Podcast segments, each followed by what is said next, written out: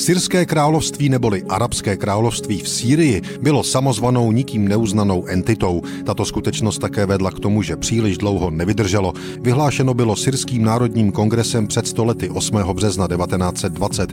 Umožnil to i fakt, že Syřané si v říjnu 1918 ustavili i svoji nezávislou arabskou vládu. Využili toho, že britské blízkovýchodní síly se z regionu stáhly a s nezávislostí tzv. Emirátu souhlasili.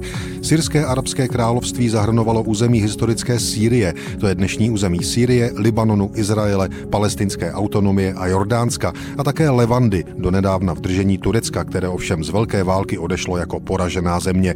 Syrské království bylo konstituční monarchií, králem se stal Faisal I. Tomu se ale prakticky nikdy nepodařilo pro něho zajímavé území takzvané Velké Sýrie se všemi jmenovanými regiony ovládnout. Proti byli například na území dnešního Izraele a Palestiny Britové. Francouzi zase bránili svá mandátní území v Libanonu a tak dále.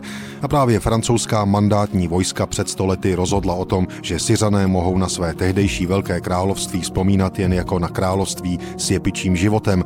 Královská armáda se nakonec vzdala francouzským silám 25. července 1920. Syrské království tedy existovalo 4 měsíce a 17 dní. Pařížská mírová konference pak dohodla, že Sýrii a Libanon budou napříště spravovat francouzi.